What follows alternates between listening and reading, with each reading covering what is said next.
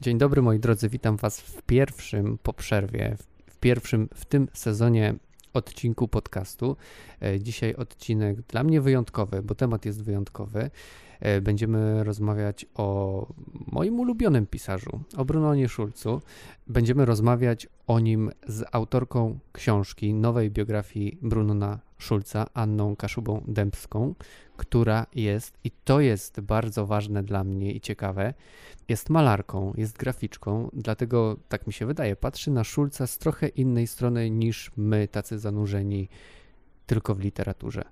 Dzień dobry. Dzień dobry. Czy to było tak, że poznała pani Szulca właśnie najpierw poprzez jego twórczość plastyczną? Zupełnie tak nie było. jeszcze dodam do tego, co pan powiedział, jeszcze jestem kobietą, więc oprócz tego, że jestem graficzką, malarką, jestem kobietą, to wydaje mi się, że też to moje postrzeganie y, w tej biografii opowieści o Szulcu też jest przez ten pryzmat. I myślę, że to trzeba wziąć też pod uwagę. Okej, okay, że... to porozmawiamy mhm, o tym, dobrze. bo to jest bardzo ciekawe. W ogóle o tym nie pomyślałem, czytając książkę, ale to jest dobry klucz. No więc jak pani poznała Szulca? No właśnie powiem tak, że zupełnie nie przez y, twórczość plastyczną. Y, twórczość plastyczna to była rzecz, którą y, poznałam już w okresie licealnym. Natomiast pierwsze zauroczenie, no to oczywiście były opowiadania Szulca, które przeczytałam jak miałam chyba 13 albo 14 lat. I dała pani radę? Dałam radę, tak. To było niesamowite i to było wielkie przeżycie. To była taka moja Biblia nastolatkowatości. Ja myślę teraz, i to już chyba powiedziałam w jakimś wywiadzie, ja myślę, że to był taki czas, kiedy ja żegnałam się z moim dzieciństwem. Dorastałam, y, pożegnałam moich cudownych dziadków, piękne dzieciństwo. No i chyba ta książka powodowała, że ja po prostu powracałam pamięcią do moich wspomnień. Więc było to czytanie na jakimś poziomie, prawda, w tamtym czasie. Potem y, Schulz powracał oczywiście w liceum, na maturze. Pamiętam, że była wspaniała wystawa y, w BWA w Krakowie y, rysunków, w ogóle całej twórczości Szulca, bardzo wielka wystawa to były lata 90. Ja byłam jako właśnie też nastolatka, chyba uczennica liceum plastycznego wtedy. Y, dopiero ta twórczość graficzna do mnie zac zaczęła docierać na etapie studiów, ale ja nigdy się nie zachwycałam y, twórczością graficzną Szulca, bo uważałam ją za ilustracyjną, uważałam ją za taki relikt epoki. Nie wiem, ja byłam w zupełnie innych rejonach twórczych. Ja bardziej się inspirowałam twórczością Rodki w tamtym czasie, na przykład abstrakcja mnie interesowała. Myślę, że dopiero teraz, pisząc tą biografię przez te ostatnie lata, dopiero zaczęłam rozumieć tą twórczość na zupełnie innym poziomie. Kiedy ja czytałem książkę, to widziałem, że rzeczywiście te proporcje pisania o Szulcu, e, rysowniku, grafiku i Szulcu, pisarzu, literacie są inne niż w innych książkach albo hmm. artykułach na jego temat. Zwykle literaturoznawcy skupiają się na tej literaturze i ta twórczość plastyczna jest gdzieś tam z boku, a tutaj jest tak 50-50, mam wrażenie. Mhm. No to na pewno z tego powodu, że sama zajmuję się sztuką.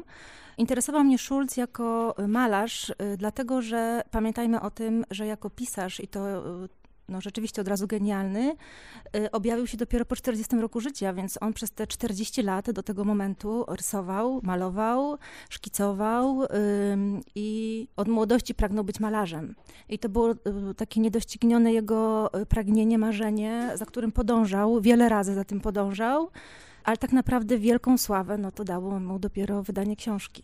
To wróćmy do tych obrazków. No, obrazków, no, trochę tak trywialnie powiedziałem, e, do tych mhm. grafik które mnie właściwie od samego początku, kiedy je zobaczyłem, w jakiś sposób zafascynowały. Pewnie jeszcze nie rozumiałem w jaki. E, a co pani w nich e, odkryła? Po, już po latach spotkania z nimi. Mm -hmm. tak? Myślę, że twórczość Szulca można rysunkową, graficzną, można odczytywać też na wielu poziomach. Y, pierwszy taki poziom to jest, o, widzę obrazek, ojej, jakaś y, y, kobieta władcza z biczem, jakiś mężczyzna, który się kala pod jej stopami, prawda? I to jest jakby ten pierwszy etap. I zazwyczaj ludzie poprzestają na tym etapie. Mnie się wydaje, że w tej twórczości mm, jest coś o wiele bardziej bardziej głębszego, że ta rozmowa między dwoma światami, światem y, żeńskim i męskim, który wyraża się nie tylko w postaciach męskich czy damskich, ale też wyraża się w kolorze. Jest kolor czarny, który zazwyczaj jest zarezerwowany dla mężczyzn. Jest kolor y, światła, kolor biały, gdzie właśnie jakby wybija te postacie kobiece. To wydaje mi się teraz, po tej długiej przygodzie z Szulcem, że jest to opowieść o nim samym że wydaje mi się, że poprzez rysowanie chciał Schulz powiedzieć o swojej inności, może nieakceptowanej w tamtym czasie, albo o inności, o której nie mógł powiedzieć. Bardzo często jest tak, że na tych rysunkach widzimy mm, piękną kobietę w świetle, niemalże boginię, a za tą boginią zaraz za nią stoi właśnie postać męska o twarzy Szulca.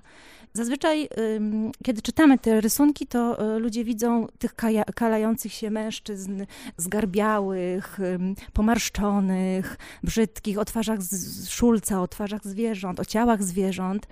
Natomiast jest bardzo ciekawe to, żeby popatrzeć na to inaczej, że jest ta kobieta i jest zaraz za nią idący Szulc, który jakby w tym uwielbieniu może chciałby być taki jak ona. Pisze pani o tym w książce, że Schulz był o wiele bardziej, o wiele bardziej się uzewnętrzniał właśnie za pomocą obrazków, rysunków, rysunków tak, tak, tak, rysunków, niż w swojej literaturze. Tak, jest, Więcej mówił mm, o mhm. sobie po prostu no, język rysunku był jakąś taką pierwszą formą wypowiedzi od, od, dzieciństwa. On o tym właśnie pisze w swoich opowiadaniach, że rysował bez opamiętania, bez pamięci i ja mogę to zrozumieć, bo ja też byłam takim dzieckiem, które się wypowiadało poprzez właśnie rysowanie, lepienie z plasteliny. I on y, rzeczywiście, y, jeśli mówimy o na przykład sferze fetyszyzmu y, czy masochizmu, y, on wypowiadał się na ten temat w wywiadzie i jasno mówił, że y, nie, nie wstydzi się tego, rysując, ale nie mógłby o tym tak po prostu wprost na przykład powiedzieć y, literacko, prawda? Tak, ale to jest też ciekawe, że y, z dzisiejszego punktu widzenia takie grafiki chyba nie oburzałyby publiczności tak bardzo, jak to robiły w czasach Szulca? E, myślę, że niektórych oburzały, a niektórych zupełnie nie oburzały. Oczywiście zdarzali, zdarzały się osoby, które czytały te rysunki właśnie na tym pierwszym poziomie, e, ale były też osoby, którym e, Schulz ufał, którym, znaczy on się nie, nie bał pokazywać, on potrzebował tego lustra, żeby odbić, żeby zobaczyć, co ten odbiorca przeczyta z tego rysunku.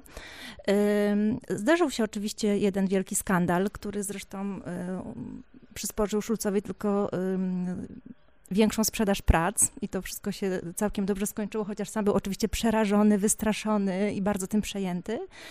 Ale wydaje mi się, że był twórcą y, świadomym y, swojego talentu, świadomym tego, co chce przekazać innym i potrzebował pokazywać rzeczy, pokazy wystawiać.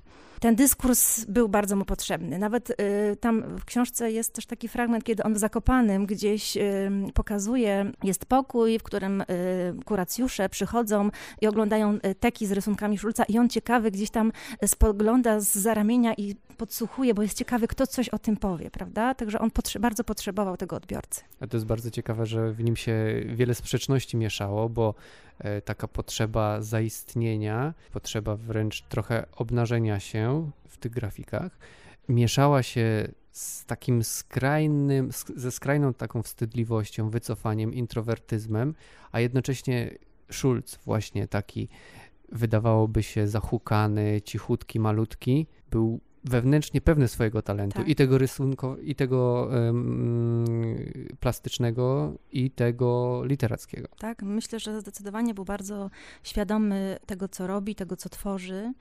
Y, zresztą Józefina Szelińska w listach do Ficowskiego jakby potwierdza to. Ona mówi, że tak, to był człowiek y, absolutnie świadomy y, swojej mm, wielkości, no ale absolutnie całkowicie zaprzedany też sztuce. Tak, on jego bardziej pociągał to właśnie ten świat twórczości sztuki niż jakby ży życie, które się toczyło wokół niego. Ale to jest bardzo ciekawe, dlaczego e, wraz z, z, sukcesami, które przychodziły, może w zbyt późnym wieku, ale jednak przychodziły, nie stawał się w życiu takim osobą właśnie bardziej pewną siebie i, i do końca właściwie hmm. był takim szulcem z Drohobycza, z prowincji, z jakimś kompleksem No tak, myślę, że na pewno tutaj dużą rolę miały jego stany psychiczne, prawda? To, że on bardzo często popadał w depresję. Ta depresja na pewno związana jest z masochizmem, bo masochizm no to nie tylko, tak jak na jego grafikach, biczowanie czy kajanie się, ale to też jakiś rodzaj wycofania, potęgowany właśnie depresją. Myślę, że to jest taki główny motyw y, w jego życiu, no, który powodował, że on się stał taki wycofany. A czy my w ogóle dużo wiemy o Szulcu? No wiemy tyle, ile wiemy. Wszystko, co wiemy, y, to moim zdaniem jest wielka zasługa Jerzego Ficowskiego. Y, ale myślę, że też wiemy coraz więcej o Szulcu, dlatego że ja już też mówiłam o tym wielokrotnie, że to, że y, pojawiają się mm, archiwa, które zostają zdigitalizowane, mamy dostęp do większej ilości gazet z tamtych czasów, zdjęć, listów. Ja na przykład w tej książce opowiadam, znaczy przytaczam więcej fragmentów z archiwum Ficowskiego niż on, ponieważ wydaje mi się, że Ficowski w swoim czasie mm, miał jakby inną misję. Ficowski chciał przywrócić pamięci Szulca, prawda? A ja myślę, że teraz przyszedł taki czas, żeby opowiedzieć troszkę więcej o nim, pokazać szerzej go. Tak, i pokazać go niekoniecznie, po pierwsze, niekoniecznie jako mistrza słowa i, i kreski, ale też pokazać te mroczniejsze strony. One się ujawniają w książce. Mhm. Tam nawet jest taki fragment, który można nazwać aktem pedofilskim w jakiś sposób, prawda? Jest tak, to prawda. Znaczy jest to fragment, znaczy jest to historia, która znana była. Yy może nie tak bardzo dokładnie, ale jest taki moment, kiedy Schulz spada przed y, kilkunastoletnią dziewczynką, y, no i jakby w szale mm, zauroczenia jej nogami, po prostu sunie tymi dłońmi coraz wyżej, coraz wyżej. I no jest to, tak, z perspektywy współczesnych czasów na pewno moglibyśmy ten czyn nazwać takim właśnie czynem. I co wtedy y, czuje biografka? Kobieta. I kobieta. No czuję, ja w pierwszym momencie czuję obrzydzenie, ojej, no nie, no fatalnie, coś, coś, coś strasznego. I pewnie takich sytuacji mogło być więcej. Zresztą y, ta y, dziewczyna, która opisuje ten czyn, też myśli, że to samo spotkało y, jej matkę gdzieś tam na ławeczce w pewnej miejscowości uzdrowiskowej. No jest to przykre, ale no jest to prawdziwe, więc postanowiłam ten fragment włączyć do biografii. Domyślam się, że biograf musi polubić swojego bohatera, żeby o nim pisać i mhm. w ogóle wgłębić się w jego życie, poświęcić dużą część życia. Czy takie momenty, kiedy się odkrywa takie wątki w biografii, mhm. sprawiają, że, że na przykład się odechciewa pisać albo zgłębiać dalej takiego, nie, nie. życie takiego bohatera? Chyba nie, chyba to nie chciało mi. Znaczy myślę, że y, właśnie byłam ciekawa, y, czy coś takiego jeszcze się przytrafi mi, czytając listy wspomnienia. A powiedziała Pani o tej szczególnej perspektywie kobiecej. Mhm. Jak ona wpływała na całą pracę nad książką? Wychowałam się w myśleniu y, o Szulcu i o jego prozie. Zawsze jakby podkreślana była na przykład postać ojca, prawda, wspaniałego demiurga, maga, czarodzieja. Natomiast jakby zanurzając się w tych historiach y, archiwalnych, w listach, cały czas jakby do, uświadamiałam sobie, że postać ojca to jest postać chorego ojca, chorego fizycznie i psychicznie, ojca, który latami y, odchodził od rodziny, który znikał. Był w tym domu, ale znikał y, w swoim pokoju, zamknięty. Po pierwsze, bardzo ciężka choroba gruźlica, w tamtym czasie zupełnie nieuleczalna. No po drugie, y, prawdopodobnie schizofrenia. Więc y, mały Bruno, y, Brunio, wychowywał się w takiej atmosferze i pewnie jako dziecko inaczej tego ojca odbierał niż na przykład jego starszy o 11 lat y, brat który zobaczymy potem w biografii, że to jest człowiek, który y, twardo stoi na ziemi, y, trzeźwo myśli o, o świecie. I jako kobieta pomyślałam sobie, że w tym domu jaką rolę pełniła matka, kim tutaj była postać kobieca, postać matki, która no, po macoszemu jest do tej pory, wydaje mi się, e, potraktowana, a już zupełnie e, pominięta jest we wszystkich e, Schulz, książkach szulcologicznych postać siostry. Bo to nie jest taka siostra, z którą Schulz, mały Brunio się bawił, tylko to jest siostra, która jest niemal 20 lat starsza, więc to jest jak gdyby taka druga opiekunka jego, prawda? I postanowiłam te dwie postacie, postać matki i postać siostry, jakby no, wyłonić z tej jakby ciemności niepamięci i trochę więcej o nich opowiedzieć. Bo wydaje mi się, że właśnie matka była tą postacią, która y, potrafiła Bruna jakby trzymać w pionie. Potem tą rolę przejął trochę brat Izydor. Natomiast postać ojca to, był, to, był, to była postać tego innego świata, y, tego bardziej zakazanego, nieoczywistego. Natomiast matka pozwalała jakby żyć normalnym życiem. A na przykład w sklepach cynamonowych matka jest postacią, nawet jest marginalną postacią, ale też mhm. taką mm, niebudzącą sympatii w ogóle. Tak pan e, myśli? Ja, ja ją tak odbieram. Jest taką mhm. osobą, przy której bohater Szulca, e, ten główny bohater, trochę się spina, trochę ma jakieś takie wrzuty. E, no ja mam takie wrażenie. Mhm. No, w opowiadaniach matka jest taką osobą, która y, musi ogarnąć y, rzeczywistość, y, musi od rana do nocy zająć się biznesem bławatnym. No jak gdyby też oddaje ten dom pod opiekę służącej, tak? Służącej Adeli, literackiej Adeli. Jest na pewno osobą bardzo zapracowaną, no bo jak wiemy, ojciec w tym swoim szaleństwie księgi rachunkowe obkleja y, wspaniałymi naklejkami, prawda? Więc ona musi to wszystko po prostu ogarnąć. To jeżeli jesteśmy przy kobietach, to właśnie wspomnieliśmy o Adeli mhm. i czy ta Adela ma jakieś odbicie w rzeczywistości, w prawdziwej postaci, która była inspiracją? Na pewno wiemy, że bardzo oddaną, służącą, taką właściwie przez lata osobą, która y, była z Szulcami, była Ruchla. Być może jest ona jakąś, jakimś pierwowzorem y, tej postaci, ale jeśli weźmiemy pod uwagę ten motyw y, fetyszystyczny czy masochistyczny, to wydaje mi się też, że postać Adeli może mieć w sobie coś z postaci siostry. Y, starszej siostry Szulca, ponieważ w jednym z artykułów, które, y, artykułów pisanych przez y, psychiatrę Węgrockiego, Szulc jakby dopisuje, że jakby w tym jego procesie mm, psychicznym siostra miała duże znaczenie w jego kształtowaniu się mm, różnych upodobań. W pani książce jest kilka takich wątków, które starają się nie chcę powiedzieć, że odkłamać pewne sytuacje z, z, życia Szulca, które wzięliśmy za pewnik, ale próbują rzucić na nie inne światło. To jest na przykład ten mit, że Szulc y, był niezwykle biednym mhm. człowiekiem, który ledwie wiązał ledwie koniec z końcem.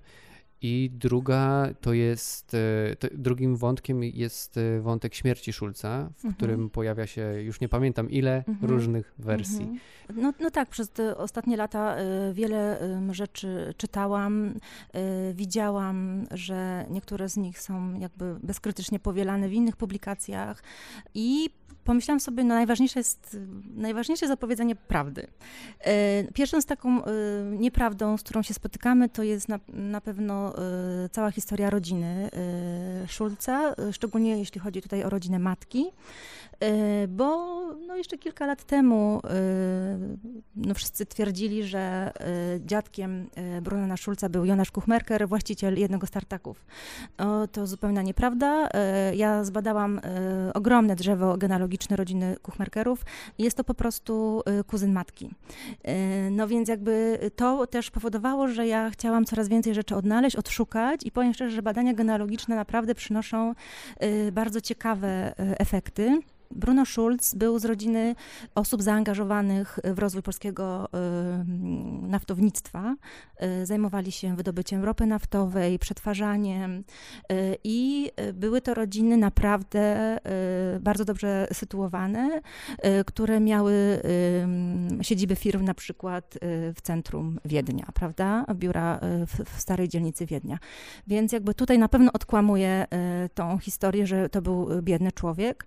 Nawet w jednym y, z takich ostatnich wspomnień o Szulcu, jak już był w getcie i miał y, operację kamieni żółciowych, to ktoś wspominał, że trzymał sobie te kamyczki w worku po diamentach. No, to też y, jakby o czym świadczy, nie każdy ma woreczek po diamentach, prawda?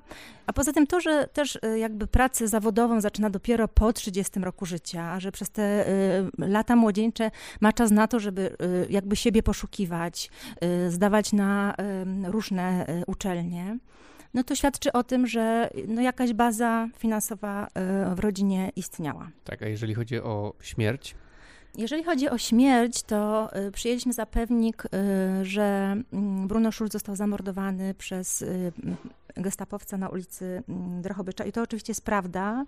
Y, zgadza się data, zgadza się dzień, zgadza się sytuacja.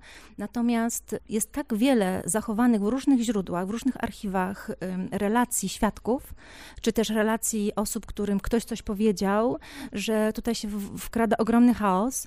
I ja y, postanowiłam trochę o tym chaosie opowiedzieć i przedstawiłam y, śmierć Szulca na 13 różnych sposobów, ale tych sposobów było, myślę, kilkadziesiąt. No i to jest też taki trochę mm, znak opowiadania o tamtym czasie, bo no jest jedyna, jedyna pewna rzecz, że zmarł, prawda? A czy został pogrzebany, czy nie został pogrzebany, czy to zrobił przyjaciel, czy ktoś obcy, czy to był masowy grup, czy nie masowy. Po prostu nic o tym nie wiemy i się nigdy nie dowiemy.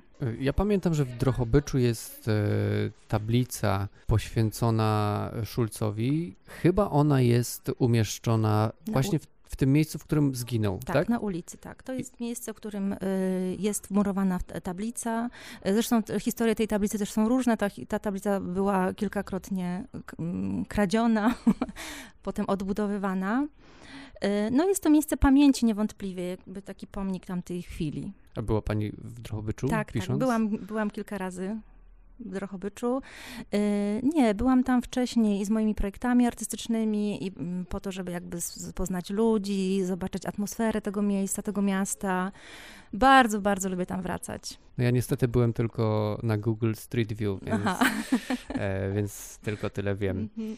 No ale też chciałbym bardzo, bardzo pojechać, bo to jest w końcu blisko, bardzo tak, blisko. To jest magiczne miejsce, bardzo polecam. A czy czuje się tam na tych ulicach taki przedwojenny Drohobycz nie. Szulcowski? Absolutnie się tego nie czuję. Y, to jest jednak miasto, które y, przeszło ogromną transformację, ale kiedy się chce poczuć, to można, myślę, poczuć, można się wybrać spacerem po jeszcze zachowanych starych podwórkach. Y, jeszcze istnieją resztki starej kopalni soli. Bardzo ciekawe to jest w ogóle historia Drohobycza i związana z solą no, nie, no niebywałe miejsce i bardzo zaczarowane. A są jeszcze takie wątki w biografii Szulca, o których nic nie wiemy i które chciałaby. Pani poznać i odkryć? Czy takie wątki są? Myślę, że na pewno takie wątki są i to się na pewno y, będzie rozwijać i pewnie będą się pojawiać nowe dokumenty z czasem.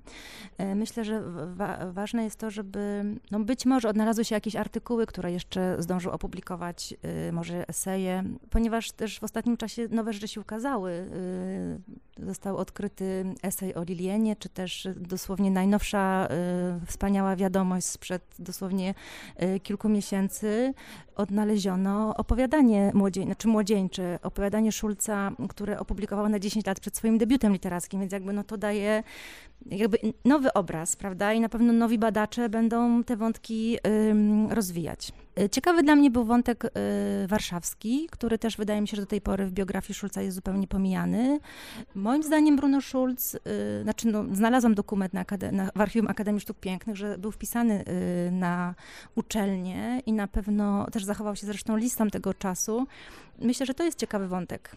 Kogo on tutaj spotykał, jak rozwijał swoje umiejętności, miał wystawę w Zachęcie zbiorową, więc no, myślę, że to jest też ciekawa rzecz i która do tej pory w biografii y, no, była zupełnie pomijana. Czy jest coś w postaci Szulca, czego pani po napisaniu nie rozumie, a chciałaby zrozumieć? No na pewno trudno mi jest zrozumieć y, postać Szulca. Nie potrafię się wczuć y, w to, co on czuł. Myślę sobie, że generalnie po napisaniu tej biografii mam takie wrażenie, że był człowiekiem niesłychanie smutnym, bo jakoś tak wszystko nie szło po myśli chyba. Tak mi się wydaje. No ale był geniuszem z drugiej strony.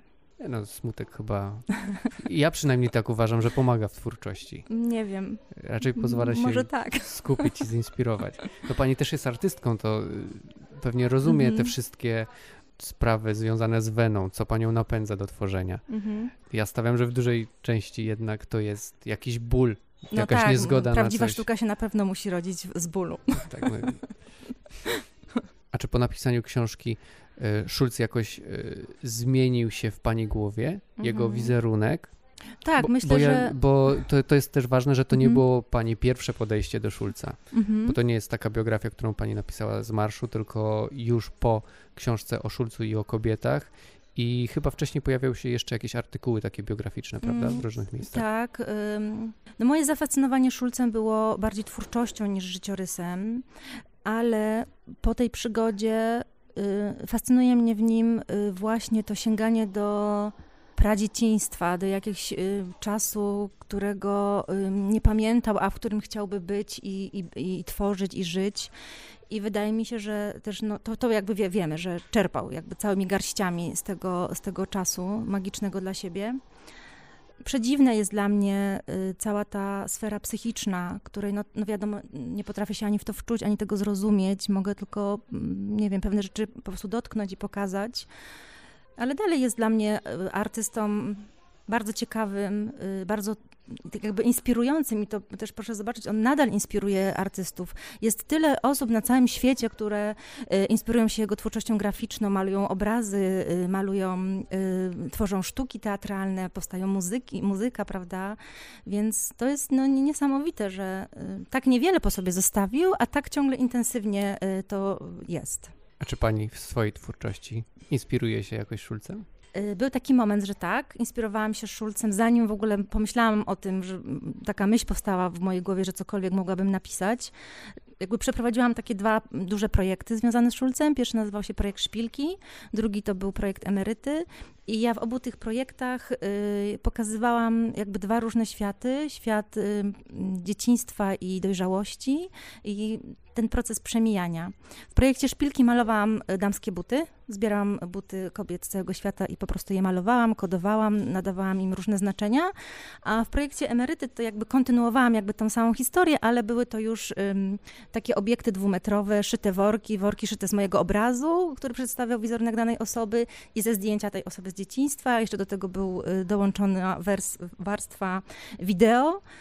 No i miałam tak, taki motyw przy, przygody mojej inspirowanej twórczością Szulca, ale to nie była y, twórczość inspirowana rysunkami. Znaczy, jak gdyby nie kopiowałam rysunków Szulca, tylko jakby zupełnie w innym y, kierunku to poszło. Teraz mam takie pytanie z Instagrama, bo Mhm. przed naszym spotkaniem e, poprosiłem e, moich czyte, czytelników i, i Mhm. czytelniczki, żeby e, jeżeli mają, to zadały Mhm. jakieś pytanie i jedno z takich pytań wydaje mi się dosyć ciekawe. Czy gdyby dzisiaj Schulz, no na przykład miał swój profil na Instagramie właśnie, określałby się jako literat czy jako grafik? Kim jest też dla pani Schulz? Właśnie, bardziej piszącym czy rysującym, tworzącym grafiki artystą? A czy my to musimy zawsze wszystko tak rozdzielać i No wszystko nazywać? Właśnie ja uważam, że y, był tym i tym. Tak jak nie możemy powiedzieć, czy do końca Schulz był Żydem, Polakiem, nie wiem, Niemcem. Każdy po prostu, czy mówił w idisz, czy nie mówił.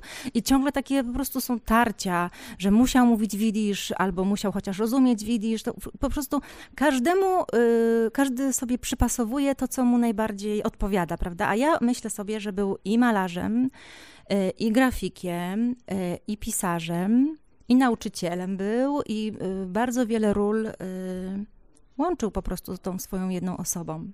Więc wydaje mi się, że gdyby w tych czasach żył i czy miałby Instagrama, obawiam się, że nie, bo jednak był osobą zatopioną w przeszłości, jego troszeczkę y, przerażała ta nowoczesność. Więc chyba nie miałby Instagrama. Ale może miałby bloga. A czy, czy przy pisaniu tej biografii czegoś się nie udało zrobić, co miała pani zaplanowane? Powiem tak, y, ta biografia liczyła objętościowo y, jeszcze raz tyle stron, czyli właściwie połowa została wycięta y, tekstu z biografii i teraz myślę sobie, że bardzo dobrze, ponieważ została wyciągnięta taka esencja o tym, o czym, znaczy esencja życia, po prostu chciałam pokazać głównie tą postać Szulca, chociaż oczywiście bardzo ważne były te wszystkie wątki mm, historyczne, środowiskowe, prawda, i tak dalej. Ale na pewno są wątki, które y, świadomie po prostu opuściłam i nie chciałam o nich y, więcej opowiadać, bo stwierdziłam, że już tak dużo zostało na ten temat powiedziane gdzie indziej, że jakby nie ma sensu tego y, powielać. Tak, ja, ja myślę, że atutem tej książki jest e, właśnie to, że możemy na Szulca spojrzeć z kilku nieoczywistych perspektyw, z których po prostu wcześniej na niego nie patrzyliśmy, albo po prostu e, patrzyliśmy za słabo. Mnie się książka bardzo podobała, więc e, Wam bardzo serdecznie polecam. Bruno, epoka genialna, e, biografia Bruno na Szulca. Anny Kaszuby-Dębskiej. Premiera jest Niebawem. niebawem, czyli 16 września. a pani ulubione opowiadanie Szulca?